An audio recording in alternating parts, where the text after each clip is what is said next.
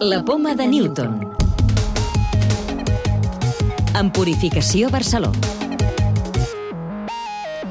Investigadors catalans han creat una píndola viva formada per bacteris modificats que pot combatre la resistència als antibiòtics. Us ho expliquem en el programa d'aquesta setmana. També ens fixem en la relació entre una àrea del cervell i el cor i en els efectes que poden tenir els antulls sobre els nadons.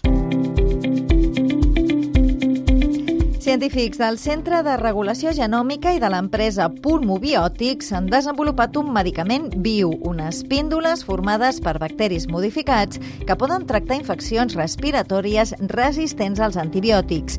En assajos amb ratolins han aconseguit eliminar un 82% d'aquestes infeccions.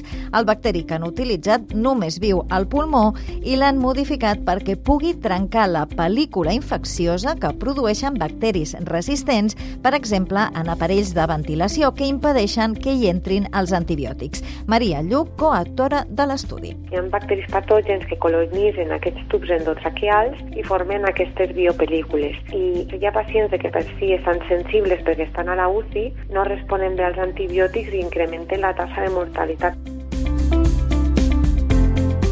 píndola viva, aquest bacteri, com té ja la peculiaritat de que pot créixer en el pulmó i pot estar en el pulmó, l'han modificat perquè siga capaç de produir de manera contínua i local agents terapèutics que poden fer com foratjar aquestes biopelícules i també produir una sèrie d'agents que maten aquests bacteris patògens.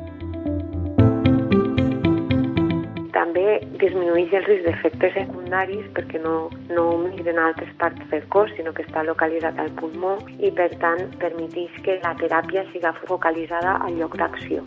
La tècnica d'utilitzar fàrmacs vius podria servir també per combatre altres malalties del pulmó, com la fibrosi o fins i tot el càncer, i adaptada a altres bacteris localitzats a altres parts del cos, també podria permetre en el futur combatre patologies que afecten altres òrgans.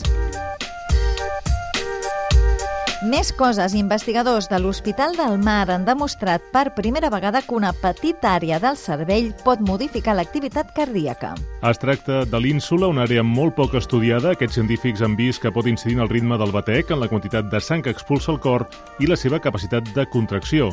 Rodrigo Rocamora, director del Centre de Epilepsia del Hospital del Mar. Se han implantado electrodos dentro de la ínsula y hemos tenido la oportunidad de poder hacer pequeñas estimulaciones y descubrimos cómo esta estructura tiene una función específica sobre la regulación del corazón. Y esta es una cuestión que no había sido descubierta hasta ahora Tenim molts antulls durant l'embaràs, els desitjos que fan que algunes embarassades consumeixin un excés d'aliments alts en sucres i calories predisposa els nadons a tenir trastorns alimentaris durant l'adolescència i l'edat adulta. És una de les conclusions d'un estudi d'investigadors de l'IDIVAPS Hospital Clínic que per primer cop ha descobert el mecanisme responsable dels desitjos durant l'embaràs.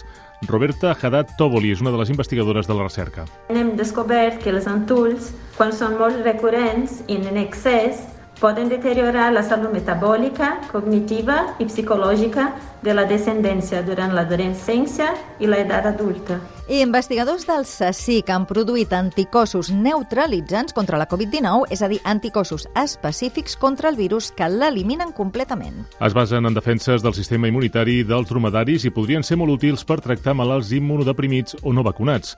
Aquests anticossos són actius contra les variants més virulentes del SARS-CoV-2 i protegirien els infectats amb una efectivitat del 100%. Llibres de ciència.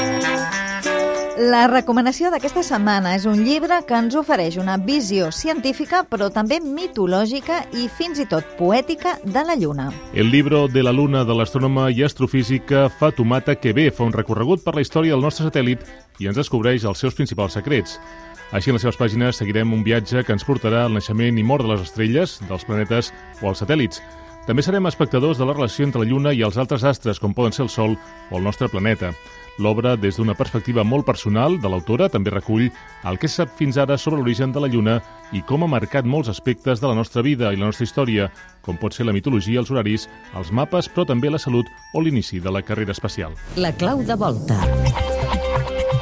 Quina és la principal diferència entre els virus d'ADN i els virus d'ARN? Tomàs Pomarola, cap de microbiologia de l'Hospital Vall d'Hebron. Els virus que tenen un DNA, el DNA, quan s'autocopia, té mecanismes de correcció, igual que el nostre DNA, quan tenim descendència, el DNA, les còpies del DNA s'autocopien. Això fa que els errors siguin petits i, per tant, siguem estables al, al llarg dels anys. No? El virus RNA no. Cada vegada que es multipliquen, els errors de còpia no es corregeixen. I això fa que siguin molt variables. Recordeu que podeu descarregar-vos el podcast de la Poma de Newton o subscriure-us al programa per rebre'l directament als vostres dispositius.